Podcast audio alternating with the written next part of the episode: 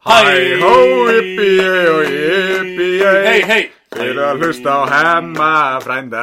Svendi Jóni hefur frændi. Hæ, hó, yppi, og yppi, Fyrir að hlusta á hemma frænda.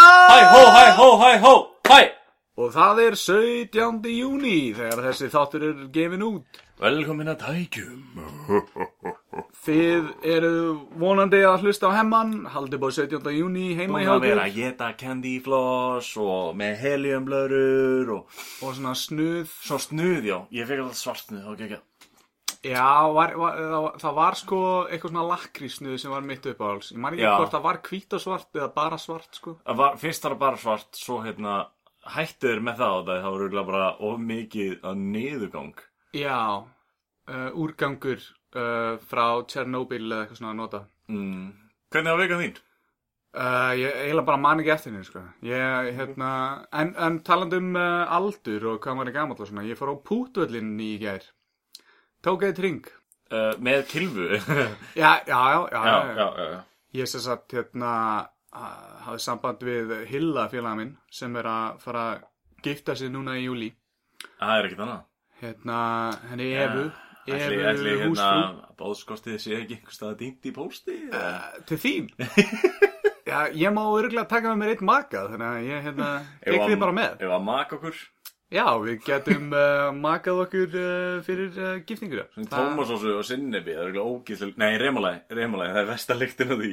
Já, þau geim okkur þá örgulega bara úti hjá grillinu eða eitthvað. Ég vona að vera grill, ég held að það sé grill ég veit ekki alveg. En allavega, við vorum hérna í púteringum í gær sko og, og þegar ég sæki Hilmar að því uh, datt í huga að myndi kíkja með mér og taka smá uh, pútring ég, ég, er, ég er ungu fyrir þetta sko en, en alltaf, hérna þá, þá segir hann eh, hvernig var ef við ringjum í hérna við okkar líka og fáum hann með? Hann leið, já ok, uh, kannski gerum það og, og við ringdum í hann.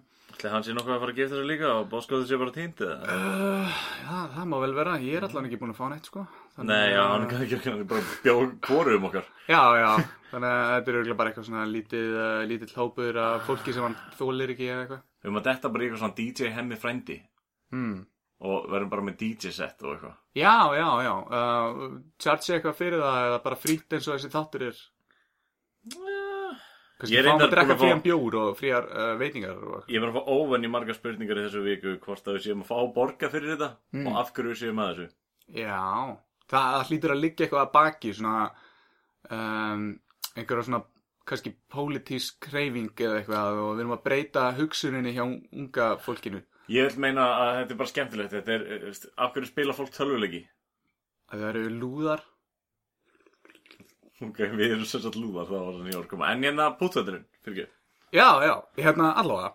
Hérna, já, við náum í og lendum í smá vesinu með að finna kilfu og svona, það sk- skiptir eiginlega lengur máli og uh, eftir pútið þá hérna heimtar að fá sér ís Eftir pút þá verður maður að fá sér ís sko. það var samt svo kallt, það var eiginlega ekkert ís veður sko. þú veist hvernig veður er búið að vera hérna utan fatna daga sko. Já, en þú býr í Keflaug, það Já. er hérna rók það var bara rók Já, drast já, það er bara, alltaf, það, það er bara, það er hlaupár ef það er logn í Keflaug Já, og ég var bara búinn að plana bara að fara í svona góðu veðri og svona sjá hvernig það væri að vera gamall á pútvellinum. Við erum sérst með pútvöll fyrir framann HSS, hérna, Já, sem er hérna já, já hérna niður í hérna hjarta bæjarins. Við hliðin á skrúðgarðinum Já, hann er að, já, já, hann Það er sem einmitt að þarna senda hinum megin. júni var að mitt haldin alltaf Þess vegna kom ég með þessa sögu. Nei! Nei, nei, nei, alls ekki.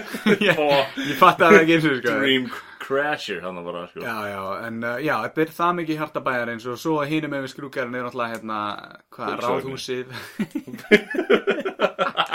já, reyndar, reyndar er pulsuvagnin þar. Og einn tork kjúklingaborgara maður, ó, djúvel Ef einhver er að hlusta farðu að fá þig tork kjúklingaborgara. Já, ef þú veist ekki hvað það er, þá uh, mælum með því að þú bara lesir ekki eins og innihaldið, þú fer bara og færðir einn er kjúklingaborgara hjá svo- Villa Pulsu. Svo er hann líka með svona tilbúna hambúrgara eða þau sem að skelli saman og fær rauðkáls úr gúrku og eitthvað. Það Og þeir eru svona bognir eins og skál og þú getur fengið hann óhristan. Þá færið þau sullið sem hann liggur í. Það er bara Það er bara svona sveittur að hambúrgari slörpa það upp svona í endan, sko, og það er svona mix Remulaði, sinneb, uh, súra gúrkur og, Ó, þetta er svo æðislegt. Og já, en, en þar lengra er ráðhúsið. En ég er ekki að ræðum Þú ert ráðhúsið. enda á pútöllinum Já, já, já, sko, ég er enda komið það við erum á leiðin að fá okkur ís, sko. Og hérna uh, ætla bara að fá sér eitt svona lítinn badna ís en enda með að fá sér hérna bragðaref og hérna Kostar 1500 kall á markið eitthvað? Pottið, pottið, sko, og það er í ísbúðinni sem er aðeins lengra þannig við ráðhúsið. En það er reyndar alveg mun lengra. Ég sá, ég sá gamla konunni í bæði Reykjavík, hún var að skamma barnið sitt út og hún kefti ís, Mm. en barnið langaði bræðaref. Og, og kellingin sagði, eh, konan, eldri kona, -hmm. hún sagði sko, ég kefti þetta. Mm, og þú ræður hvort þú borðar þetta, ég ætla ekki að eyða yfir þúsund krónum mm. í bræðaref barnið var ekki, mín ekki bræðaref og nei, ég kefti þetta, viltu fá þetta eða ekki? Og krakkin alltaf vildi ísinn og svo veist, tók ég hring í bænum. Og hérna svo er ég komin aftur tilbaka. Já, gamla kellingin bara að kaupa sér síkardur það er yfir þúsugall. já, Nefnum sér að kaupa hana Gold Coast fyrir svona tíu árum. nei, nei, hún, hún, hún reykti von í barnið mér Já. Ég reyndar uh, smá segvi, eða svona hliðarsaga hérna. Ég kunni alltaf vel að meta, sko, þegar amma var að kera með mig, amma hérna í bænum, sko, bæjaramma mín. Þá hérna áttum við oft til að fá sér kent þegar við vorum að keira, sko. og hún var ekkert að opna gluggan eitt endilega sko. þetta var á þessum tíma sko, þegar reykinga voru ekkert það skadlegar skilur við, þegar maður var yngri og, og það var ekkert byrjað að setja svona sjáðu lunguðin uh, já, og byrjað að reykja. þetta var bara, eða- það var töff og kúl Já, já, og bara, og bara mjög eðlilegt. Þetta var bara svona eins og að sér tyggjó eða eitthvað sko. Og hérna, og við, hérna og ég kunni, þannig byrjaði ég eiginlega að fíla svona second hand smoking geðt mikið og ég, ég fíla það geðt ennþá í dag sko. Já. Ég, oft þegar fólk er alveg, má ég reiki bílnum eða er það sama ég sé að reykja en og ég er alltaf bara, já maður, ég er að græða á þessu sko þú veist, þannig að segja, þetta er kannski óholt í dag. Mm, já, já, samkvæmt helstu já, já, fræðimönnum, já, já. skiluru og, og landlæknir uh, myndur örugglega vera ósáttur við hvernig ég tala um reykingar þannig að segja, en second hand smoking er bara sweet, sko. Afi gaf mér alltaf og bræðrum mínum hérna blátt ópal ok, og hérna brenni. Og í bláu ópali sko dag var náttúrulega sljófgandi hérna efni. Já. Þannig að hann bara deldi okkur hérna bláu ópali og aftan í bensanum. Já, voru þið bara snar rugglaðir nei, nei, nei, nei, þú bara þú, þú, þú, þú sopnaði næsti þú veist bara að sla, slögna á þér sko. Ég, ég man ekki eftir því með bláan óbal, ég man eftir bræðinu, sko. Já, já, já, já, en það, þetta, þetta var það var, ég man ekki hvað hvað það sefni heitir klóróform eða eitthvað Já, en hefðið þú ekki átt að vera bara á einhver svona, rítalín eða einhver þannig dóti, sko? Og þetta var bara svona eina sem var hægt að kaupa yfir borðið, þú veist? já, ég ég man ekki þetta eftir mér sko Nei, jú, bara nema svo á skrýtnum hlutum sko já. drakk vítisóta Ég- einu sinni Hvað, hvað, er það ekki eitthvað svona flugeldur? Hvað er það? Nei, það er bara svona eitt, eitt sterkasta hreinsefni sem til er. Já, já, já. Það útskýrir kannski hérna, uh, Gatið á hálsinum á mér. og ráskatir það er, uh, já. En, en hins vegar pútvöldurinn. Já, já, já, já, og, og við erum hann að, þú veist, uh, kom með bræðaræfinn og, og ja, ég er að býða eftir honum, sko. Og ég er þarna með Hilmari og, og, og sko, Hilmar og, og Gunnar, uh, annar vinnur okkar, þeir vinna saman í Bíkó uh, fyrir sunnan. Bíkó fjölskyldan, já. Já, og, og Gunni er endar nýkomin heim úr námi í Noregi, sko, og, og hérna ætlar að vinna í Bíkó yfir sumarið. Var hann að læra eitthvað, hvernig er betra að stapla við? Eitthvað, Uh, í Noregi, það væri örgulega mjög sniðut að læra það í Noregi, en nei, uh, öllum að óveru var hann að læra svona tölvudót, eitthvað svona forritun og Ah, leikja, svona leikja hönnun og leikja að búi til tölvuleiki, sko. Forrita skrúur, kannski. Uh, ekkert, slíkt ennþá, ekkert slíkt ennþá, sko, þú veist, Bíkó er náttúrulega bara aukajobbið hans, en hann er uh, tölvuleikja smiður, skilur alveg sem Ah, þú ert já, uh, rennismiður, þá er hann tölvuleika smiður. Já, já. Ég smíða samt ekki rennur. Uh, nei, Nei. þú gerir það ekki. Ég er ennþá að að skilja hvað þú gerir. Uh, þú ert búin að sína með vélarnar hann upp í vinnu hjá þér og þær eru hérna, þær eru Tölvustýrar. Eins og, eins og einhverjar svona leyserar og eitthvað svona, þú veist, í svona bíómyndunum. Svona eins og eitthvað sem James Bond myndir reyna að, að aftengja hjá vondakallinum. Já, já, já, já, ég hef oft verið kallað á vandikallin, sko. Uh, já, þannig að þú ert kannski bara, hver veit, að vinna fyrir einhvern uh, ógíslega vondan kall og þú ert bara hensmenn hjá honum. Er allir í svona svona samfestingum með sérstökum lit og, og hérna Við erum allir í alveg eins fötum, sko. Ok. Já, já, já. eru þið með svona hjálma og svona litla svona bíla sem þú finnur bara á flugvöllum að keira um að því svona Nei, því miður ekki, við, við bara erum á fótónum. já, ok, allavega En þú veist uh, reyndar hérna uh, svona annað segvei út af hérna gólfinu hjá þér. mm. Við fórum nú saman í frisbeegolf. Mm. Þar fórst þú í, í hérna, fyrsta skipti í frisbeegolf og við spiluðum á Vífestaðavelli. Ég held þetta hafi reynda verið í annað skiptið en Ah, mér, ég, í, minningunni, í minningunni voru skífurnar ekki svona litlar þær eru svo eitthvað kjánalega litlar sagt. Já, í, í, í æsku þá man ég alltaf eftir svona stórum Núna skil ég svolítið kastið. Þú Mm. hérna, kallar þetta skífur.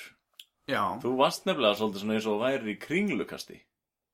já, eru það, skí, er það skífa? Að þeir kasta kringlum, sem verður svona skífur. já, já, En þeir gekk ekki droslega vel. Þú- Þú þú tók samt senustu, senustu breytina. já, eða þar sinustu eða eitthvað svona, ég það ekki Þetta var flott í þér. En hérna, já, golf. Já, og þú gerir hana góðverk hana, þú náðir hana niður einhverjum, einhverjum uh, diskum fyrir einhverja einhverja herramenn þetta Já, mjög sérstaka herramenn þeir eru mjög sérstakir, já, já, já. já.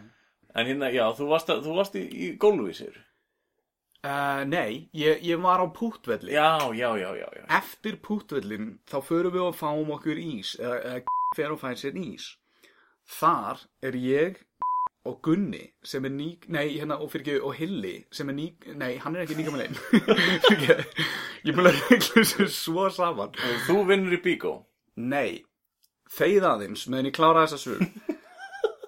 Ég, nei Ég og Hilli erum að tala um bíkó og ég man ekki hvað við vorum að tala um en, en kemur síðan og segir við Hilla hérna, já, hérna Gunni hérna, er hann eitthvað get, þú veist, er mikið að gera eftir klukkan tvö á daginn og þá segir Hilli eitthvað, ég hlusta ekki alveg á það Einn spurning, Gunni var ekki aðna. Nei, Gunni var ekki að það Nei, ok, ok. En í og, Hilli. Í Já. minningunni, að því ég er búin að vera að tala um hann þá líður mér þess að Gunni hafi verið þarna en hann var ekki þarna allavega. Uh, við hérna uh, við erum þarna að tala saman og Herri, já, vindum okkur í næsta dagsfjöliði. uh, nei, býta eins já, og hann spyr Hilmar hérna, hvort sem ekki gera eftir klukkan tvö að því Gunni Bö er búin að vinna klukkan fjögur hvort að Gunni komist fyrr úr vinnunni út af stekjuninni Fyrir Hilla. já Hann spurði, já, frábært. Já, og, Hann, hann, og, já, sko, og svipurinn, sko, ég fór bara strax að hlæja. Og, ég, og, Hilli var alveg, surpriseið þannig. á- Hilli var alveg stekkinina, hann alveg, já, stekkinina. Og þá var ég bara komin í bilaðan hlátur, sko, og svipurinn á þetta var svona, vá, hvað ég fokkaði upp, svona Hann svipur. sá þegar hann fokkaði upp inn í haustum. Já, já, já, hann, alveg, hann, hann hætti svona að horfa til hægri svona á okkur og hann starði bara svona beint áfram og var alveg bara En, en skilur þetta, var, þetta er ekkert þannig að sé mikið mál að því Hilli hefur alveg örgulega búist við því að við værum að fara að stekja hann Já, en það er reynda svolítið gaman, sko, ef hann þykist vera ókýrslega hissa þegar þið mætið. Hann var að tala um að gera það sko Hann var að tala um að gera það og vera alveg vá eitthvað. En, en gummi inn í leinunemdini fyrir stekkinu þá er, þá er búin að tilkynna alveg já, ég hérna misti þetta út um mér og svona. Og hérna, þetta var bara, þú veist, þetta var bara smá brainfart, sko, og hérna, ég held mér þess að smá að þegar ég bauð Hilla að koma í mín í, eða þú veist, pút, skiljur, pút, menna ég, bara meðlegt pút, þá hafa hann haldið að við værum að stekja hann, skiljur, og ég var alveg, hei, ég var hingi kannski líka, og eitthvað alveg, ó, gerum það, eitthvað það var svona smá grunn að það væri kannski eitthvað svona stekkin í gangi, en, en það var ekki, og það var hvað, þú veist, hva- hvað er þetta, fimmtudagur, já, við erum að taka þetta upp á fimmti, og hérna þá miðvikudagur í gerð, þannig að það er ekki að vera að stekja þetta á miðvikudagi, skiljur, Nei. eitthvað svona, Ég er reynda með, með svipað asnalega sögu ef má skjóta inn í hindi lókin. já, ég er eiginlega búinn, sko, þetta var, Já, fyrir ekki, ég, ég held að vera búinn. Það var ekki pönslanir búið. jú, ég ætla aldrei að lefa að klára þessa sögu, ég ætla alltaf að skjóta inn einhverju kjaftaði svona í þá milli, Er þetta líkt af biturð? uh, Eða varst þú að skýti í þig? Uh, ég, ég er enda prumpað inn í þessi herbyggi áðan og Einar er Ég- alltaf að segja að það er prumpulítið hérna en Ég það held, var ég held að þú myndir hrista úr skálminni eitt svona lítinn, svona kinda. Já, Ég En já, pumpaði reyndar alveg slatta í hérna púti í gæri sko og það var, svona, það var reyndar stekkur vindur. Mótvindur. Já, stekkur vindur. Og þetta hjálpaði mér með fyrsta hringin sko. Þá vann ég hann en ég tapaði setni að því þá var orðið svona góðu vindur og lyktin var hægt að trubla strákana sko, Hilla og En það er hérna, það er strákaferð úr hérna hafringa við náunum mínum Mhm. og ég er, sem sagt, ég er, já, ég er á leiðin til Danmerkur næsta miðvikudag. Já, og verð þar fram yfir helgi. Mhm. Þessi, það var hópur, það er, það er tónlistaháttíð sem heitir Köpenhell og er þungarokksháttíð já. Og þeir eru Ég hlusta svolítið mikið á svona- þungarokk Þeir, þeir eru Það svolítið er svona alveg góðir frábær hérna, tónlist að þungarokkarar. Já, ég, Þungarokk ég hlusta er bara ekki á eitt af mínum uppáhalds Ég hlusta náttúrulega ekki mikið á stefnum þungarokk í Já. heiminum. En hins vegar, já, ég, Svona líður mér! Haldt áfram. Ég hlusta ekki mikið á þungarokk Mhm.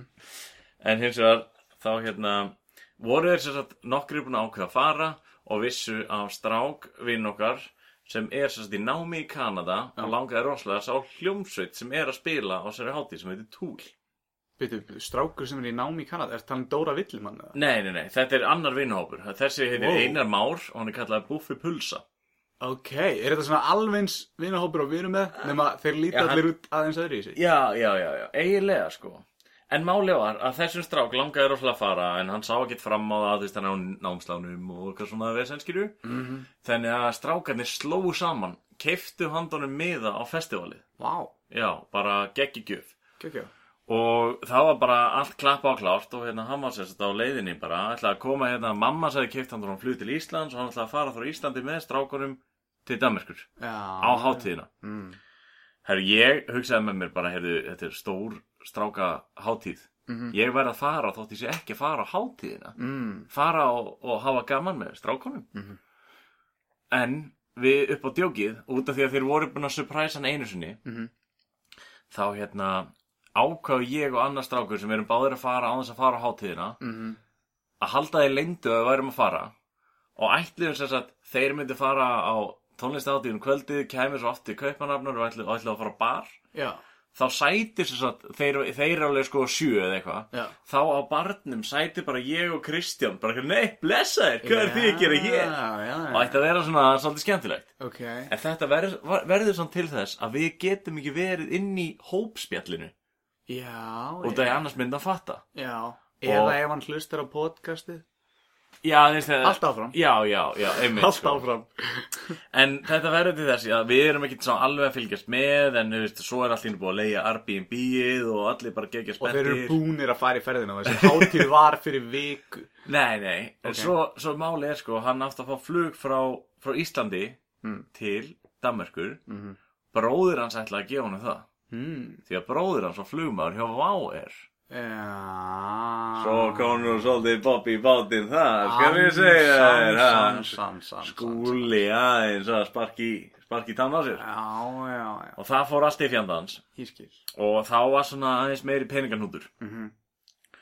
og svo kom í ljós líka það að hérna, það var pínu vesen með vísað sem að fara alla þessa ferð og koma svo aftur til Kanada og hann er að námsmanna vísa og Já. hann er nefnilega líka eitthvað að flytja hann með kæristun sinni og eitthvað Já Það verður líka svona hell ef það verður yfirheyrt hann á flugullinum alveg, já, hver Kupen kefti, hver kefti hérna flugmiðan? Já, það var þessi, Já. hver kefti hérna hótelið sem þú ert að fara að gista á? Það var annar gæ, en hérna miðana á þessa tónleika, ég hef ekki hugmynd. Einmitt, það er svolítið flækið Já, þetta er svolítið svona, þetta hljóma svona, já, sem verður sem sagt til þess að hérna, svona main driveið fyrir þessari ferð Hmm. var að surprisa búfa bjóðanum að sjá túl ah, búfið maður. og svo main driveið fyrir mig að fara á þessa ferð og koma búfa á óvart já, ég kannski gleyma að segja það veist, þetta var allt gert í því hugafari að hérna, hann er nýbúin að hann er að fara, eða, já, hann átti þrítusamali Já. þetta er þrítusamali gjöfina sem þessi ferð sko Ok. Svo kemur það bara bátinn og hann kemst ekkert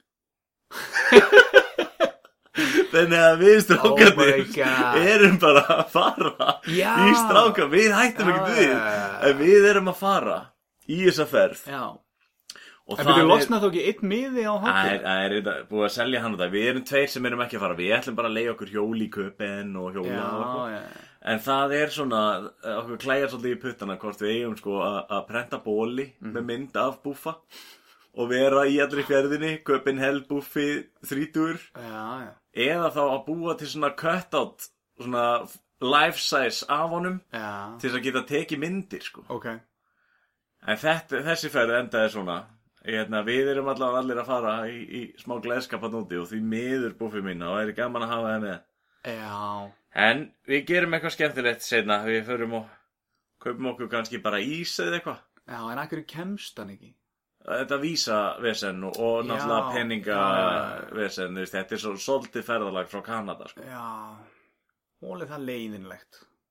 Það getur ekki allt verið skemmtilegt Nei. En Nema hemmi frændi Já, stundum sko, ég veit ekki, uh, all læg held ég. En hérna, uh, varstu búinn með uh, segmentið sem ætlar að ræða búfaferðina og það? Glemdir að grípa fram í það? Uh, ég stend náttúrulega ekki í þessum framígrýpingum eins og þú. Ég vildi bara svona aðeins leiðar að finna hvernig það væri sko. Já, mér finnst það alltaf leið, ég tröfla mikið Mm, já, en ég er líka ekki að gera það, þess vegna trublar það ekki. ah, En hérna áttakið þitt, hvernig gengur því? Átak, já Var uh, lambalærið gott? Það er býtu aðeins. Já, uh, nú er Einar komin á gólfið og er að gera armbeir. Hann er komin í þrjár, fjórar, fimm, sex, sjö, átta, níu, tíu, sjáum hvort hann er í þrjáttíu, ellefu, ellefu, Sko, farin að taka svona á og til, sko, tíu arbir ok, Út af því að, hérna Ég, sko, þetta átak mm er þetta bara alltaf að stækka brjóstu við hana? Nei, nei, þetta er bara svona þess að, að svitna sig Já, já, ok, Ég fór í eina fjallgöngu um helgina já. mm, Ég úr ég endar, ég réri þingvallavatn á kajak Já, ég held að það væri bara eitthvað gumul mynd sem þú settir hann inn á Instagram. Nei, nei, nei, nei Gaman að því, sann. Já, fínt, já, ég braut veið stöngina Já, já, já. Þannig að ég réri út, braut stöngina og réri tilbaka Ok. Og akkirið vildi ekki ná gripi Þannig að ég var bara, Já. já, smá, smá gára Þeir njóta lífsins sem reyna einar og þú reyndir þetta. Já, já Og svo hérna ætlaði ég að fara í fjallgöngu í gær Já. Eða sund Ég endaði á því að baka Betty Crocker kuku Já, og, það var í gær. Já, ég var að halda upp á hérna Hún, hún kærasta mín, hún hérna Elisabeth Já. Hún voru að komast inn í skóla Og að bytta aðeins, bytta aðeins hérna. Hvenær byrjaði átakið þitt, segir? Sunnudaginn Já, og borðaði þú eitthvað þessari köku, eða? Já, Já, já. Byrja vel, byrja vel.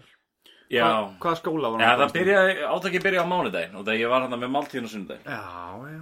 Hún var að komast inn í Keili Adventure Guide heitir það Á, Það er rosa spennandi sko og fjarnámið það. Nei, þetta er, þetta er tengt einhver skóla í Kanada og þetta er rosalega mikið verklegt náma sem hún er bara eitthvað að fara að synda í ám og klifra fjöll og íseka og Já, kajakast og alls konar skemmtilegt. Er hann að fara þá til Kanada? Nei, nei, hérna á Íslandi. Já, Þetta er, þetta er samt í samstarfi við skóla í Kanada. Ok, ok. Þetta er rosa spennandi nám. Já, við erum gleða, sko. Og en hérna átakið, sko ég er búin að, ég, ég, ég vikina, Mhm. ég er búin að léttast.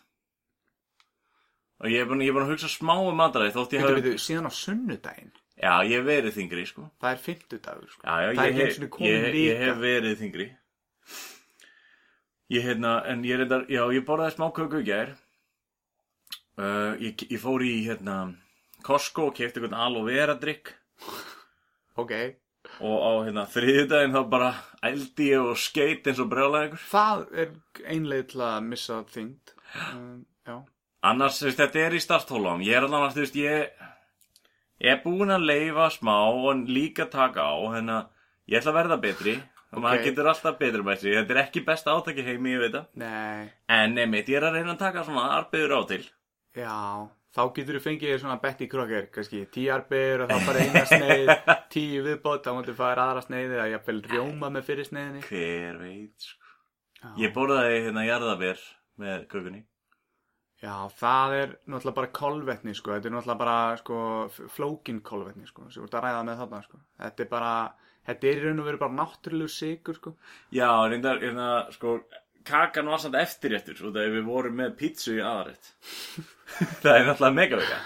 Já, Þetta var eiginlega mesta vikandi sem byrja í átæki já, já, ok, já. Og þegar ég fór í Costco og kefti hérna aloe vera drikk og kefti ég mig líka pulsu og hérna pítsusneið Já, En ég massaði bílinn og ég kefti svona energy gel og það ég, ég, ég svitnaði svo svakalega að það massa hann bíl. já, En hann er líka senni, hann, hann, bara, hann er svo speil. ok. Hérna, en ertu, allar þá að halda áfram í þessu átaki eh, eins og þú ert að gera þetta núna? Eða? Nei, nei, ég ætla að breyta. Það, því, þetta er bara eins og, þetta er svo að vera hérna, á AA, sko. Já. Þú byrjar á fyrsta skrifi, sko. Já. Þetta hljóma samt svona eins og mættir á AA með flöskuna með þér á fyrsta fund, sko. Og þú væri eiginlega bara svona hálf fullur með eitthvað rapp í pontunni, sko. Nei, nei, ég... Ég er alveg að hætta að drekka, sko. Ég ætla bara, ég ætla að klára þessa flösku og ég ætla að træri sig á heima og þá lofa ég. Ég er er að- lofa. Ég er að fara í fjallgöngu núna um helgina, en það er bara eina sem ég gerði ekki þessari viku sem ég hefði viljað gera. Mm. Veist, ég gerði margt sem ég hefði viljað sleppa gera, en eina sem ég gerði ekki þessari viku sem ég hefði viljað gera var að henda mér allavega í world class. Ég er með áskort þar, sko, sem að Hvernig byrjaði það? það byrjaði snemma ás. Þetta var svona smá, þetta, nei, það hefur kannski verið svona mars. Er þetta ekki randýrt? Er þetta ekki einhver 200 skall eða eitthvað? Áskortið þetta? Nei, nei, nei, hvað? 150 pottet. Nei, þetta er rétt undir 100 áskalli. Nú, ok. Já, já. Já.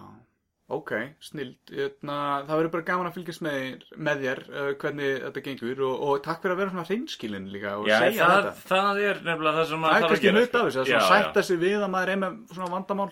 Að, þegar það er megavika, að þá verði maður bara að fá sér pítsu, skilur Það Nei. er eitthvað svona... Eins og ég sagði sko í byrjunina, ég, ég ákvaða að henda þessu átaki inn á netið Mm. svo að fólk gæti svona ítt aðeins í mig. Ok, Ég, ég vel þá líka bara að segja sannleikan já. Og það ef ég er að ljúga að fólki, þá er ég ekki að ljúga að fólki, ég er að ljúga sjálfum mér. Veistu hvað ég held við ættum að gera hérna? Ég held þú ætti bara núna, vikulega, taka myndaðir á nærbuksunum, hendina á hemma frænda Instagramið. Og þá ertu alltaf að hugsa, ég get ekki, get ekki verið, skilur, uh, í minna formi í, í mynd sem er tekin á eftir mynd þar sem ég er í betra formi. Skilur hvað við? Já, já, en það er svo... Þú færð alveg, við byrjum bara á fjórum vikum, segjum bara eftir fjórum vikur, þá, þú tekur mynd núna, tekur mynd eftir fjórum vikur. Ég sko svitna í lóunum. Já, þe- þetta hjálpar hérna, hérna aldrei að vita nefnir ég hendin mynd til að sína þér en, en það að vita það, að það verður tekin mynd skilur og hérna Þá fæ ég, ég fæ bara og búlimíu. eftir, skilurðu? Æli bara. gæti gæst, en þetta er jákvæð búlimía það er til neikvæð búlimía, svo þetta er jákvæð búlimía þessi jákvæða enda með að þú, ert í betra formi eftir á heldur en þú byrjaðir í Ég reyndi, ég er ekki læknir, en ég er sérfræðingur í ég þessum málum. reyndi trikkið þitt reyndar að borða lítið og minga magan.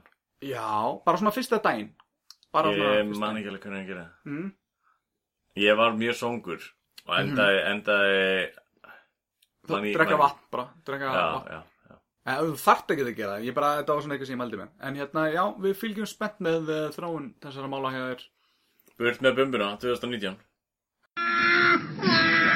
Þú getur hlusta á Hemma frænda á Spotify, iTunes, YouTube og Soundcloud. Fylgst með öðru eins grallarefni á Facebook, Instagram og Twitter.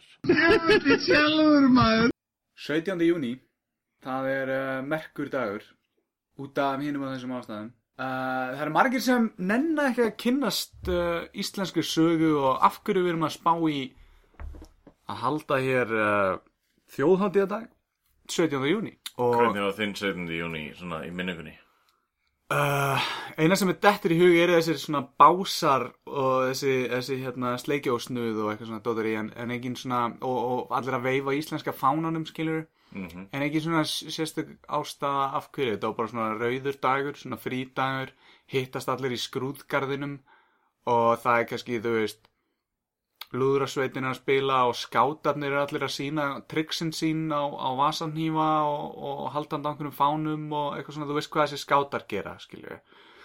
Skátarnir elska 17. júni af því þá fá þeir að dressa sig upp í þessum göllum að ljósbláu skýrtunum sem ná niður í nærbuksur og hérna og hérna eru allt og víðar sko með já, já. hanska Varst þú, þú varst í skátanum, eða ekki? Uh, nei, það uh, hef ég aldrei verið en uh, ég er ekkert að segja ég hefði eitthvað á móti því að vera í skátunum sko ég var í Björgunar sveit og það var, uh, þeir voru aldrei með Þú eitthvað fórst svona í inntökupróf, þú gerir ekkert meira indökupróf í björgunarsveitina. Fórstu í björgunarsveitina? uh, nei, þetta var bara svona unglega reyfing, skilur Já. Þetta var svona Björgunsveitin light, það var ekkert verið að senda mig upp á fjöll og eitthvað svona, ég var bara unglingur, sko. En gerðist þetta 7. júni? Nei, þú fórst að spyrja mig út í uh, hvort ég hef verið í skátunum. Já, já, já. Það sem ég man eftir 7. júni, Það er öllum skýt sama. Nei, hvað maður... eftirminnilegasta er uh, fánastöngin í Keflavík. Já, Hún er sérstök, sem er hann nýri skrúðgarði. já, Ég nefnilega áttaði mig ekki á því fyrir en ég var bara öðvist, orðin svona táningur.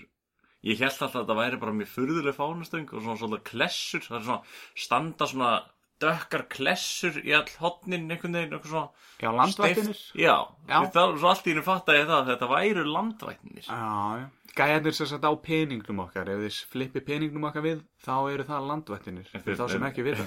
það, það sem er á peningnum okkar er skjaldamerkið. Þetta eru gæjarnir á skjaldamerkið. Já, já, og, og hverjir eru á skjaldamerkinu? Það eru landvættinir. Já, og það er sem sagt, það er rosalega flott fánastöng hana í skrúgarnum sem er sem sagt landvættirnir standa þarna til hverra hotna, Já, stór fánastöng og það er eigin að hún hún er stór fáni Mhm. 17. júni aha, og þarna endaði lúðrasveitin já. það er það sem ég man eftir á 17. júni annars man ég ekkert eftir 17. júni Já, þú veist, ég er að búa lengi bænum, ég man aldrei eftir að halda upp á 17. júni En veistu af hverju við heldum 17. júni hátilega? uh, Þetta er, uh, þetta er dagurinn sem að þeir uh, auglistu fyrsta 1944 réttin. Nei, en nálægt. Nú, ó. Uh, merkilegt nokk. Uh, ég er búin að skrifa niður nokkra punta hérna til að fólk geti rifjað upp. Af ég halda skrifað stafi Ah. ok, gamli kallir í komin. Þetta er fyrsti pappatjókurinn í þættinum. Uh, ég er búin að heyra eiginlega frá flestum sem var að tala við mig um þátt að þau fíla öll uh, pappatjókin. Þannig að ég ætla bara að lefa þess að slæta og bara til, hamingju með að við komið þess að. En 17. júni árið eh, 1944 þá var sérst, íslenska líðveldið stofnað. eitt, Sorry að ég sé eða ekki punkti En ég var reynda spurður að því í vikunni Hvaða mánudag 17. júni væri Já, og varstu á einhvers konar... Uh, En ég vissi það ekki Nei, Ég vissi að það væri mánudaginn En ég var ekki alveg viss já, já, já. Og þú vissir ekki hvort það væri 16. Ég veist eða 18. eða... Lendi 17. júni alltaf á sama degi Ég myndi halda það. Nei, hann heitir 17. júni uh, Já, þú megin eiginlega. Þú veist, þetta, hann heitir örgulega þjóðatíðadagur Íslendinga. En uh, akkur völdu það 17. júni, segir Þeir völdu 17. júni sérstaklega að því örgulega því að það var gott veður eða eitthvað en, en hérna sagt, uh, já, allan árið 1944 fyrir uh, cirka 50 eitthvað árum síðan þá var liðveldið stofnað sko. Og Sveinn Björnsson er Já, forsetinn, okkar fyrsti fórseti Hann var sköllóttur. Það veit ég ekkert um. Ja, hann var svona, svona, svona skallað hérna uppi. Já, var kannski smá hár til hliðana já, sem sagt uh, uh, afi hans í, í móðurætt hefur þá verið sköllóttur að því, að því hárið erfist alltaf í, í gegnum sko móðurætt sko Ég þekkti þessa fjölskylda ekkert sko. Nei, nei, herru, ég og hann erum skildir í tíunda ætlið. Ég tjekkaði á því á Íslandingabók. Sérst, mjög lítið skildir, sko. Ég var að búast við að hann veri mikið skildur mér, að því pappi minn heiti Sveinbjörn og hann heiti Sveinn Björnsson. Skilur Já, já, já Þannig að kannski væri við skildir að því við erum með svipuð nöfn svona nálægt okkur í fjölskyldinni, skilur Ég er ekkert skildur í hérna Aron Einar í fyrirliða þótt að ég heiti Einar Aron Ertu búin að tjekka á því samt? Þið gætu verið bræður eða eitthvað. Ja, þú veist hvað ég er að minna, svona, svona náfrændur.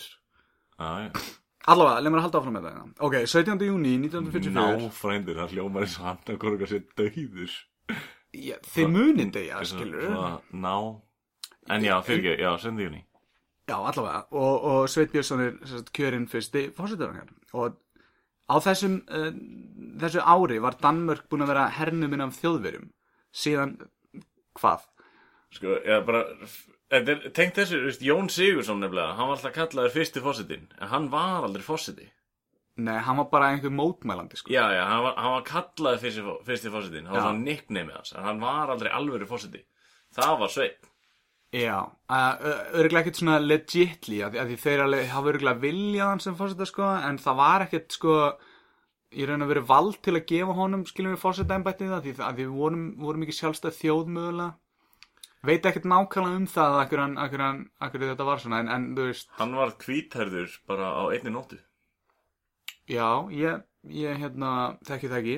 En uh, Danmörk var sagt þá búin að vera hernuminn á þjóðverum síðan 1940 í fjögur ár og íslenska ríkistjórnin ákveður að ringja til Danmörkur Fyrir Breitland og, já, já, já, þetta er, já, þetta er, já, ok, ok, ný, já. Já, 1940 sko uh, og, og já, en 1944 þá ringir Íslenska ríkistöðin til Danmerkur á meðan heimstyrjöldin er sérst ennþá í gangi og hendi eitt hérna Við viljum stroganoff og bjúur sem er þetta upphita. Uh, nálægt. Uh, þau ringdi í Kristján tíunda og var alveg, herðu Kristján tíundi? Og það var sérst uh, konungur Danmerkur á þessum tíma. Varandi þetta samband okkar það er bara ekki að ganga upp. Ó, í gegnum síma er örglega í gegnum síma, ég er að gera ráð fyrir því sko, já. þú veist, ég er ekki með neinar 100% heimildir og, og það þarf ekki að vera þetta samtala átt í stað, en já, það er bara ekki að ganga upp. Uh, við þurfum bara smá tíma til að finna okkur sko, prófa nýja hluti, Þetta, þetta er sárt. svona eins og sjálfstæði og svona. Uh, við getum alveg ennþá verið vinir, uh, kent dönsku í skólum og svona, en hérna gangið bara sem allra best í þessari heimstyrjöld. Uh, við verðum bara í bandið þetta fyrir að róast, róast niður. Hæ hæ, og svo bara skellt á, skilja. Já, og Ísland stendur hérna bara, er þetta ég? Hvað gerði ég? Nei, Danmörk stendur, skilju, er þetta ég, hvað gerir ég, skilju. Við, já, við vorum að hætta með Danmörk. Já, já, já, Já, skilju, þú veist, meðan Danmörk er hersetið af þjóðurum, þá svona, herru, ný, nýtum tíman núna, sko. En Það mál- er samt svona eins og uh, veist, að einhver sé bara með sjúkdóm. Mm. uh, kannski á svona, svona private areas og þú ert bara ekki að herðu við verðum, getum bara verið vinnir þetta er ekki þú, en þetta er samt þú. Þú ert ógeðsleg. Ur, Já, Danmörk. og, og Kristján tíundi, hann var ekkert sáttur með þetta, skilur, hún er leið bara eins og hann hefði verið svikin, af því að hann sagði að Sveit, okkar fyrsti fórseti, hefði lofað að slíta ekki tengslu við Danmörku á meðan hernáminu stæði, en Sveit sagði bara, nei, það er kjátt aðeins, fólkið, búin að deyta færi er það er bara ruggla bull, sko, og, en það var lítið sem Kristján tíundi gætt gert í þessu, sem gerða mjög pyrraðan, Þannig að hann var bara, hvad for fanden, mand? Hvad gør du her i kongens Danmark, din røvhul? Røvgrød med fløde? Ræsu upp þinn innru hull Hann var bara þannig brjálaður, sko. Og hérna, en hann var reyndar ekki bara pyrraður út af þessu. Hann var svona smá pyrraður, sko, að því, hérna, sonur Sveins Fosseta, Björn Sveinsson, sem er ekki uh, heldur uh, náskildið mér, uh, nei, nei, nei. hann var smá svona vondikall í Danmörku á þessum tíma sko. Að því hann gekk til liðs við þú veist svona þýsku skátana eða, eða hann að Waffen SS sem hafa fengið á sig slæmt orðspóri í gennum tíðuna sko. SS já, já, já. Táknum gæði, nei það er eitthvað Uh, við, erum, við erum ekki að ræða sko, sko að, að, að SS sláturhúsin hafa verið með útibúana en við, erum- við erum actually að ræða sko, sko Þetta var samt sláturhús já já en þú ert eitthvað já já já bara öðruvísi sláturhús Öðru sko. sláturhús, það já var svona, það var svona ekki vel liðið sláturhús að vera að slátra fólki til að mynda sko. mm. og, og, og, og Björn Sveinsson hann var meðal annars að nasistast eitthvað í Danmörku á stríðstímanum sko. Sýnhæl já já já, hann var að sík hæla þann út um allt sko, og var meðal annars að dreifa einhverjum áróður og svona, þetta var vist einhver svona bladamaður og hann var að svona reyna að koma svona þýsku fréttaefni inn í blöðin og svona í Danmörku og hingað og þangað um heiminn sko. En ekki til Íslands sem sagt Uh, ég þekki það ekki, það kom ekkert um það sko. Allar þessar heimildir eru fengir af Wikipedia sem er mjög áræðanlegur heimild, uh, heimildavettfangur sko. þannig að en já, uh, en það var bara sagt, uh, að þetta gæti náttúrulega allt hafa bara verið eitt stór miskilningur að því ángríns þá var Sveit að vinna fyrir eimskip í Hamburg áður en stríðið skall á. Og eins og margir vita er logoið þeirra náttúrulega keimlíkt skiluru nasista logoinu, hakakrossinum. Og, og hérna en á íslensku heitir sagt, uh, þarna, þessi mini hakakross, þetta Já, heitir já, Þórshamar eða eitthvað svona. Já, en uh, upprunlega kemur þetta merkir endar frá uh, indversku trú. Já, Ég held að það sé speglað já, og þetta er táknum frið Já, reyndar sko, en, en, en það er sko ef þú fyllir upp í allan krossin sko, þú veist, eimskipsmerki var náttúrulega minna og bara kli- klippa af, skilur, endunum, skilur Þetta var svona, það er bara, svona eimskipsmerkið er svona umskorin hakakross í raun og veru, sko. heyrði þessa umræð einhvers staðar en daginn Já, ánægilegt, uh, heldum áfram. Já, sem sagt, hann var að vinna þarna uh, fyrir, skilur, eimskip, svo skellu stríðið á.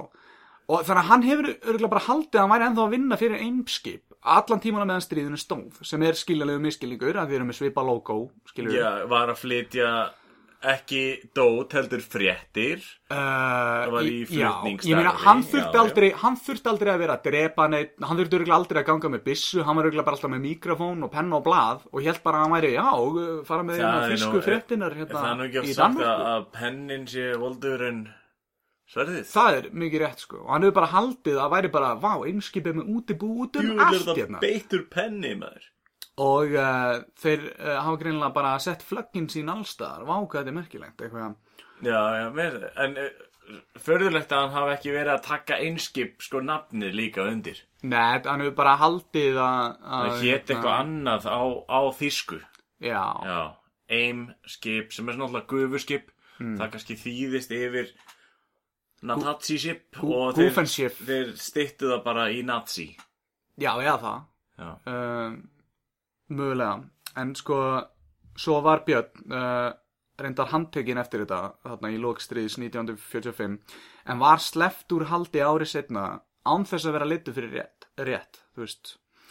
Og hérna mögulega vegna þrýstings frá Íslandi og pappans Sveini Fósetta og maður veit ekki sko en svo flutti Björn til Kópavóks byggði þar hús og eitthvað svona og setna gott að búa í Kópói Ég meina klárlega, þetta er, uh, en, en hann hefur eitthvað ekki fílað sig af því hann flytur svo til Argentínu sem er basically svona sólaströnd nazistana, skilur Þú veist, hefur ekki heyrt svona einhverja sögur að, að hérna, þú veist, uh, Hitler hafi mögulega flúið til Argentínu, það er fullt af svona gömlum nazista gæjum sem hafa farið til Argentínu og, og hérna, er til myndir um það þegar veiða hérna einhverjir, uh, einhverjir Ísraelsmenn veiða Adolf Eichmann eða eitthvað til til hérna Ísraels og að leiðan fyrir réttarhöld og eitthvað svona. Mér finnst það nú bara svolítið öflugur að hafa ferðast svona mikið á þessum árum sko. Já, já, hann bjó hérna, hann uh, liðið sitt síðast að skeið í borgarni sem reyndar og, og ég man ekki hvort hann sko Happiness.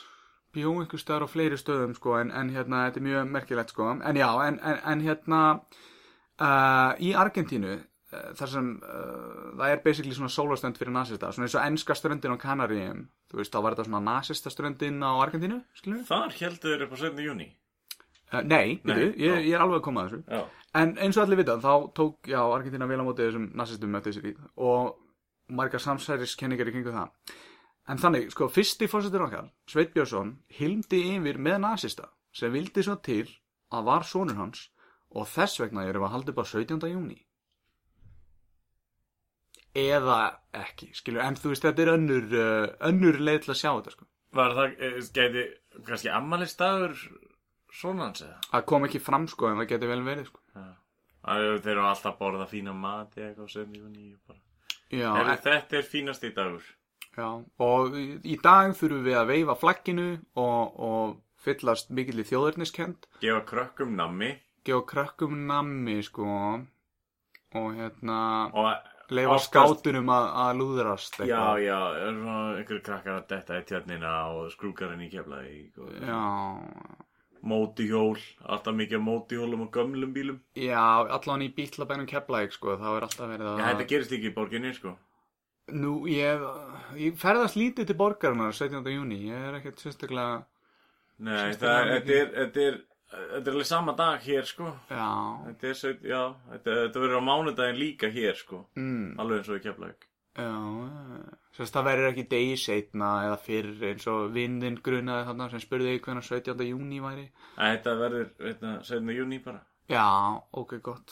Það er hérna, þá er allavega einhver regla á þessu og, og við skulum vera stolt að því að vera Íslendingar þennan dag og, og gleymum ekki að uh, fyrsti fórsetur okkar, Sveit Björnsson, hildi yfir með nasista sem vildi svo til að væri sonur hans og þess vegna mögulega erum við að upp á 17. júní. Júní, já, ég 17. hemmi frændi Ég svaraði það. Ég hef aldrei æfni kynst öðrum eins og einhverjum. Hemmi frændi, bull og vitleysa í lægsta gæðaflokki. Spurning vikunar Nei, ekki spurning vikunar Þetta, hérna, við ákváðum uh, Spurning í, Já uh, Þetta átt að verða hérna, spurningar frá uh, spurningar frá áhlustendum sem að hérna var til þess að við fengum spurningu sem var skemmtileg spurning. Já. við, við hendum þessu inn á Instagram og Facebook minna mig. Já, Já, og þú- bara leifa, leifa fólki bara að vera eins með hemma. Mm bara s- smá framlag Já, sjá hérna hvort þetta sé mikið svona þáttöku fólk sem er að fylgjast með okkur eða, eða, eða ekki og... já, já, þetta já, það er, ég veit ekki alveg hvernig Íslendingur virkar í svona, þetta er, já. Nei, hérna við hefum kannski þetta að gefa eitthvað. En við erum að gefa eitthvað, við erum að gefa svar. Og við erum að gefa tíma okkar og vinnu. Skilur, uh, þú, kæri hlustandi, þú ert ekkert að borga fyrir hennar þátt. Þú ert reyndar að eyða tími í það og það er synd.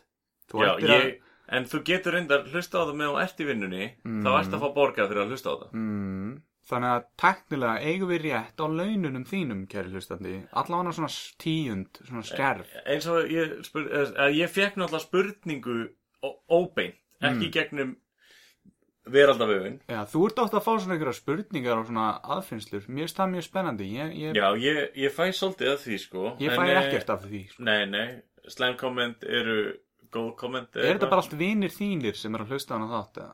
þú átt eitthvað vini Ég myndi segja ætti kannski vini uh, ég, það, það er fólk í er þetta ekki lífinu meira mínu bara svona félagar Það er fólk í lífinu mínu sem ég myndi flokka sem vini sko. en, en þú veist, þinn standard fyrir vin er kannski öðru sem minn standard fyrir vin engum að þeim hrós fyrir að vera góður vinur Nei, það er líka svo létt, skilu einu sem þú þarf að gera er að svara símanum og tala við eitthvað í síman Ég nenni því ekki alltaf, sko. Þú veist alveg hvernig ég er í símanum, sko. Já, Þegar já, þú já. hringir í mig, þá þóli ég stundum ekki að tala við fólk, sko. Það er bara, uh, og, og helst ef, það, ef fólk er ekki að segja neitt, ef það er bara svona eitthvað, já, já, já, já, já, veðrið og eitthvað svona, þá á ég það til að svona, já, já, hérna, þetta ringi mikið veðurfræðingum? Nei, þeir eru að hringi mig. já ég var hins vegar spurður að því hvort að hérna, við værum að fá borga fyrir þetta og svarið náttúrulega við því er að við erum, ég, við vorum að ræða þetta áðan sko, að við erum ekki að fá borga fyrir þetta Nei, þar þetta þið það. þetta er, þetta er skemmtun við hérna, Blóð, sviti og tár sem í þetta, en ekkert fáum við greitt. svona vikulega að segja það held ég hlægi mest inn í þessu herbyggi Mm. Ég prumpa held ég mest inn í þessu herbyggi. Ég held bara að það er ekkert sem kemur uh, hreyfingu í neðri rislum hérna, meira af stað heldur en bara að vera hérna inni. Það það er örglega eitthvað með eiturefnalíktina fram á gangi að gera. Það er svakalega alltaf svona eiturefna svona málingalíkt einhver í loftinu. Já, ef, ef fólk er að horfa á Netflix Chernobyl þættina Mm. og vilja svona upplifa þetta aðeins Mm þá ættu við kannski að bjóða með að vera gestir hér Já, var fólk svolítið að prumpa eftir Tjernobyl-slýsin og, og svona kom það hæðunum af stað hjá þeim? Mér fannst ég vera að skerja sinni. Við, við höfum eiginlega ekkert rætt kúk í þessu podcasti, sko. bráðnaði, bráðnaði út úr þeim Já. Jú, ég byrjaði, það var svona þriðja setningin í þessu þætti þar sem ég talaði um sögur sko. Já, mér finnst það bara ekki nóga því ég finn ekki svona tilfinning eins og við sem virkilega búin að tala nóg um sauri í þessum þetta en alltaf. Sammenningatáknið Við fengum uh, spurningu uh, frá einum hlustenda og mér langar að segja hvað hann heitir. Ó, ég er strax Við að segja- lofum hérna nafnlein Já, við lofum nafnleitt. Þannig að þú veist hver sorry, þú ert. Sorry frændi Þú veist hver þú ert kæri hlustandi og okkur þykir uh, svakalega væntu því og, og takk fyrir að senda spurningun inn. Já, þið heyrður rétt, kæri Henni hlustendur. frændi segi sorry frændi Kæru hlustendur, þið heyrðu rétt, það kom bara ein spurning þegar það opnaðist fyrir flóðgátt spurningana sem við vorum að búast við og hérna, segir okkur bara hvar við erum stattir hérna í, í hérna Það var reynda samt alveg. Vesinni sko, þú veist, ég fengi bara eina spurningu En ég fekk rosalega mikið af bara svona leiðenda kommentum já, Sem var engin spurning í. Já, er það? Já, Já, eins og hvað? já, bara eitthvað svona Eitthvað svona tuð, sko. Ég, þú veist, ég skil, þú veist, ég nenn ekki að hlusta á tuð. Nei Ég Er skil, er- ég skil ekki Mm. hvernig fólk nennir að hlusta á tuð sko. Ég, ég, hérna, sko, fólki sem þú ert að tala við núna nennir að hlusta á tuð af því það er búið að vera að hlusta greinilega á okkar þætti af því þetta er basically bara tuð hérna í þættinum, sko og uh, var þetta eitthvað þessu 65 plus kvenkins fólki sem var svona að benda þér á eitthvað Tuði eitthvað í þér Þetta, ég veist, ég var alltaf, þetta er nafnleint, skilur Já, já, já, þú mátt ekki segja neitt Þannig að Nei, já, nei. þau geti njörfanir 65 plus, býr einhver staðar Þá veit fólk strax hver þetta er Ég ætl bara allan að segja það, ég, ég veit ekkert hvort ég sé að fara að mæta á næsta ættamót. Ok, einhver náskildu er sér Höldum áfram Já, Hérna, við fengum spurninguna Af hverju eru nef á hundum alltaf blöyt? það hefði reynda verið finnara, þú, þú, þú hyggst þess mána, hefði spurningi bara verið, hérna, af hverju eru nef á hundum? Og ef ég hef tekið svona hyggst Og svo alltaf blöyt Já Það hefði verið aðeins dýpri spurning og við höfum þurft að fara kannski aðeins meiri vinnu en þetta. En hérna með hjálp internetsins hefur hemmi frendi fundið ástæðuna fyrir því af hverju nefn á hundum eru blöyt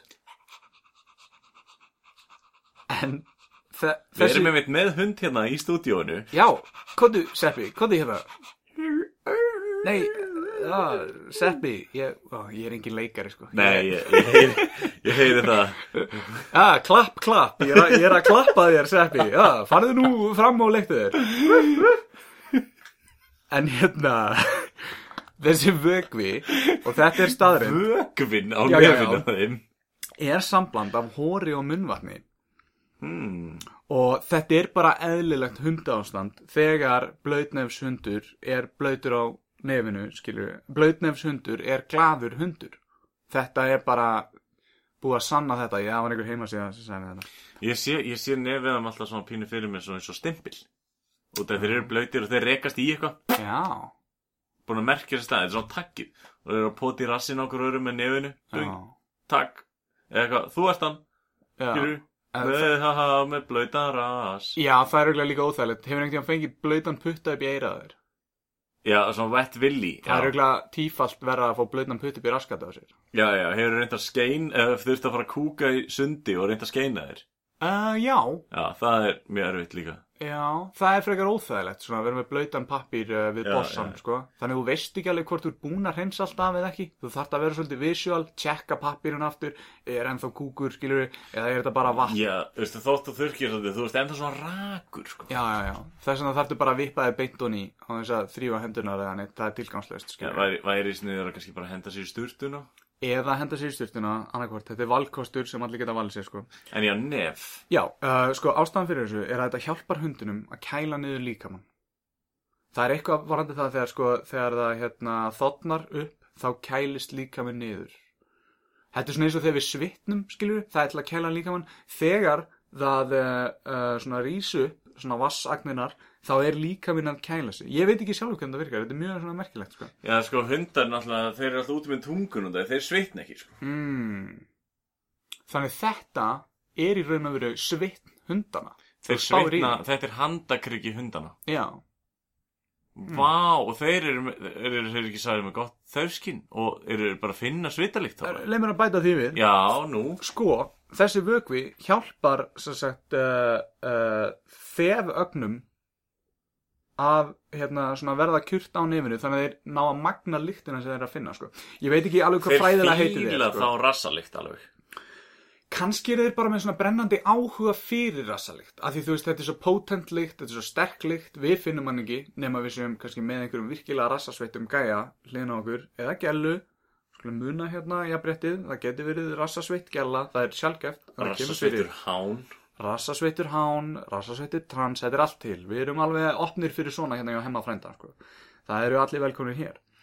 En uh, já, sem sagt, uh, hundurinn getur betur greint líkt með vökvanum á nefinu. Ég vil bara taka það fram, sko, það eru flesti vinnustæðir með svona merkingar á klósettinu Já, og það hefur nú farið í töðunar á mörgum. Svona að þetta sé vittlust mert og eitthvað. já, ertu að meina kynjaskipt klósett? Já, Já, þau eru náttúrulega bara ég fann löstu sko. þessu. Já, Ég tók hurðin af. já. Þetta er svona eins og reitt foreldri að sjá börnin sín rífast um eitthvað leikfang og í staðin fyrir að uh, uh, reyna að sætta þau eitthvað þá tekur foreldri bara leikfangið frá þeim. Já, og virkar það ekki alltaf eða? Uh, ég myndi kalla mjög fáaða upp alningar aðferð. Sumulegis. En þið getið prófað þetta sjálf með því að hrækja í lóan ykkar og klína á nefið. Öll lyktin hún tífaldast þannig það er hægt að finna lykt langar leiðir og slökkulismenn gera þetta til dæmis reglulega við að finna elda. Þeir bara hrækja í lóðan á sér klína á nefið og þá bara herru, þetta er að koma úr söðri og þá bara hlaupa þér þangað slökkveldin og bjarga deginum skilur. en þú veist ekkert, það veit ekkert allir af þessu sko að þetta er svona leinitryggs sem aðeins slökkulismenn og konur mér skiljanlegt að slökkulismenn gera þetta því að í gamla dag voru slökkulismenn oftast með hunda með sér. einmitt, einmitt en, en þú veist Þeir í hafa dag lært af hundunum. Já, og í dag er náttúrulega bannað að ráða hunda í slökkumannastörf af því það er svona ógeðslega stert stjættafélag og þú þarft að hafa einhverja svona reynslu og getu til að vera slökkulismæður Geta staðið á tveimu fótum. til dæmis og hundarnir hafa bara ekkert þessa reynslu nýja getu, nýja líkam spurði til að vera slökkulismenn þannig að þeir, þannig að núna þurfa Í hvaða slökkulismenn lífeyri sjóð borga hundar? uh, ég held að sé svona eins og, sko ég veit að kettir borgi kattholt ég veit ekki með hunda það gæti verið, ég, ég þekki það ekki sko þeir gæti bara verið í frjálsa lífyrirsjónum, ég þekki það ekki sko en hérna en uh, eitt með þetta er að það þarf að hafa áhyggjur ef að þú átt hund og nefið á hundinum er þurrt Já, ef það þotnar. Já, Já. það er náttúrulega, það er óeðlilegt ástand sko það er svona eins og að vera með sigg. þurrnefshundur er ekki glaður hundur þannig að hann til dæmis finnur enga lykt og, og hérna á erfitt með að kæla sig niður. Og það er mjög slæmt í þessu sko, það er alltaf læsvað sem á Íslandi en í þessum sólar hitadögum þá viltu passa að nefið sé blöytt þú getur gert þetta með því að spreyja reglulega salt upplaust á nefið á hundunum með brúsa. Eða hrækja bara beint á trínið á honum. Betri, betra, þetta er salt uppleist, sko, í stæði fyrir að hrækja, Já. bara grenja á nefið á hann. Já, en stundum uh, ertu í þannig aðstæðum að þú kannski finnst ekki eitthvað sorglegt. Það er svolítið erfitt að grenja bara á það spott, sko, nefnum þú sett uh, reyndur mjög, leikari. mjög, mjög sorglegt að hundurinn sé þurr. Já, reyndar. Kannski að þú tárist við það einmitt. Ég er að tárast núna, bara að hugsa um þetta. Já, þetta er, uh, þetta er mjög leiðilegt og, og réttindi hunda eru ekki, er ekki mikið rætt þau hérna í þættinum og við þurfum endla að fara að byrja að gera meira af því. En hérna, já, hundurum mun kannski ekkert fíla það að þú ert að hreikja, hreikja á honum, en uh, þú veist, þetta er eitthvað sem verður að gera, svona eins og ormar hensa rassin á honum eða eitthvað. Þetta er bara eitthvað sem þarf að gera fyrir hundin. Hann, hann fílar ekkert að láta gera það eða vera sprautaður fyrir uh, rauðum hundum eða eitthvað svona Já. þannig að, uh, þannig að þú verður að spreyja regla nefið á honum og ef þú átt ekki salti blöst bara rækja á nefið og hundurinn muni elska þig þrátt fyrir þetta hann mun vera kannski ósáttu vist og vera, vera ekkert viss hvað að gera skilur jafnvel að þú sleiki bara aðeins á hann tríni sko. sérstaklega ef hann er ekki með tungu það kemur oft fyrir að hundar uh, sem fæðast er ekki með tungu ef þeir eru svona illa ræktaðir Heldur þetta farin okkur yfir og, og mannfólki, ég þekki nokkra sem eru svona frekar þurir gaurar. hmm. Hrækja bara á þá. já, þurran húmor og svona er bara svona frekar þurft yfir litið, sko. Hmm, ok. Ef þeir eru, ef þeir eru gæði með þurran húmor, þá þegar þeir eru að taka þurra húmorinn, þá er að rækja einmitt þá. Upp í þá. Já, eða bara á þá, bara hvernig sem statusin er, að því þeir fatta þá ekki að þú ert að hegna þeim fyrir það, nema þeir sé að gera það einmitt á þeim tíma, sko. Það, já, já. Alveg og þú veist að hundurinn er nýbúin að kúka gólfið, þá viltu setja trínið á honum í kúkinn, skilur. Ég vil það ekkert, ég kannski þarf að gera Já, það. kannski eiginlega þarf að gera það. Já, þetta er ekki eitthvað, yes, hann skeita gólfið, herri, ég fæ að nutta andlutinu á hann í það. Já, og hundurinn eitthvað, þá strax, "Ö, sko. Herri, ég, ég er með þurft nef og, hérna, en takk samt þetta, þetta er hálfgeir ræpa. Já, já, já, já, það get, þetta getur verið, ok, þá kannski ertu eiginlega honum og þá fattar hann að, já, ok, ég á kúka mér á gólfið. Þá hjálpar herran minn með að bleita með nefið. Þannig að þetta, þetta fer í ringi svolítið með þessu. Já, ég, ég held að sé, við, við erum með hugmyndalust. Já.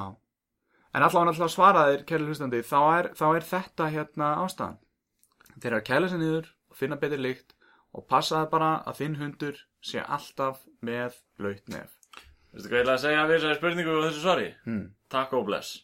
Nú erum við búin að skilja þetta svar. Ég, þetta er flott svar, þetta er bara takk og bless. Já, Þetta er komið þarna. þarna, þetta er einmitt komið. Það er, takk og bless er einmitt bara mjög góð leið til að segja Já, bara Þetta er takk komið. fyrir svarið, bless, takk og bless. takk og bless. Hemmi frændi! Aldrei í beitni. Takk ykkur fyrir að hlusta á þjóðaldistátt Hemma frænda. Hæ hó jippi ég. Há gaman að fá að vera með ykkur og hérna, ræða málefni líðandi stundar. Og ykkur fannst gaman að vera með okkur. Við ætlum að leiða ykkur að fá smá sérstakka kveðju þennan merkadag. Já, svona í anda hérna þjóðutíðadags Íslendinga þá ætlum við að syngja fyrir ykkur lag. Við lögðum í, í Íslands lag og tókst misvel en ég held við náðum sér lókin. Já, með smá rattbreytingum þá hljómar þetta rosalega, rosalega vel og uh, þið bara njótið uh, að hlusta á góða tóma, tóna, hljóma, uh, koma. hljóma. Takk.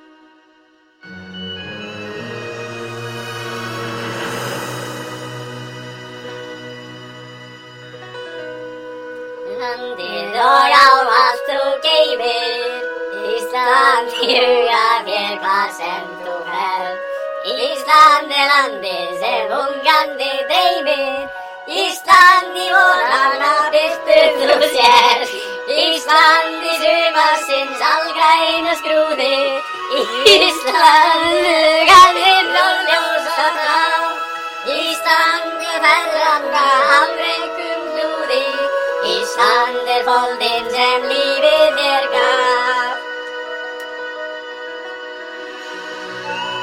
Íslenski ljóðinn er alvindun gæfur Íslenski tungan þín skýr eins og guð Íslenski sólinn sem væðar þér streymir Íslenski orðinn það hjátt sín lifur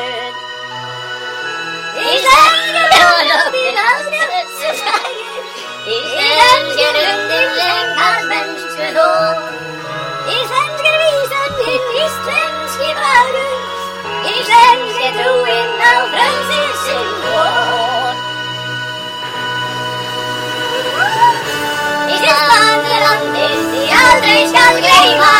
Isen det helgar då kratta och stark. Isländska jorden är allt alla gejvar.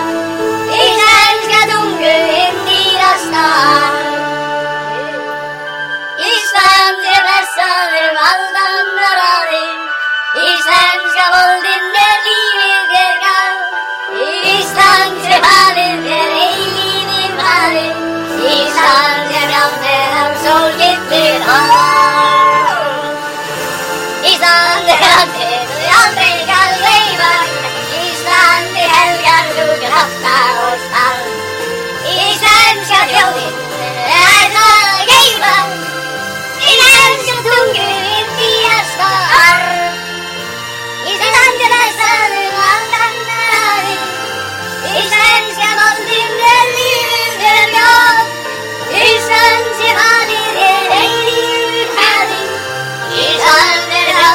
I'm sorry.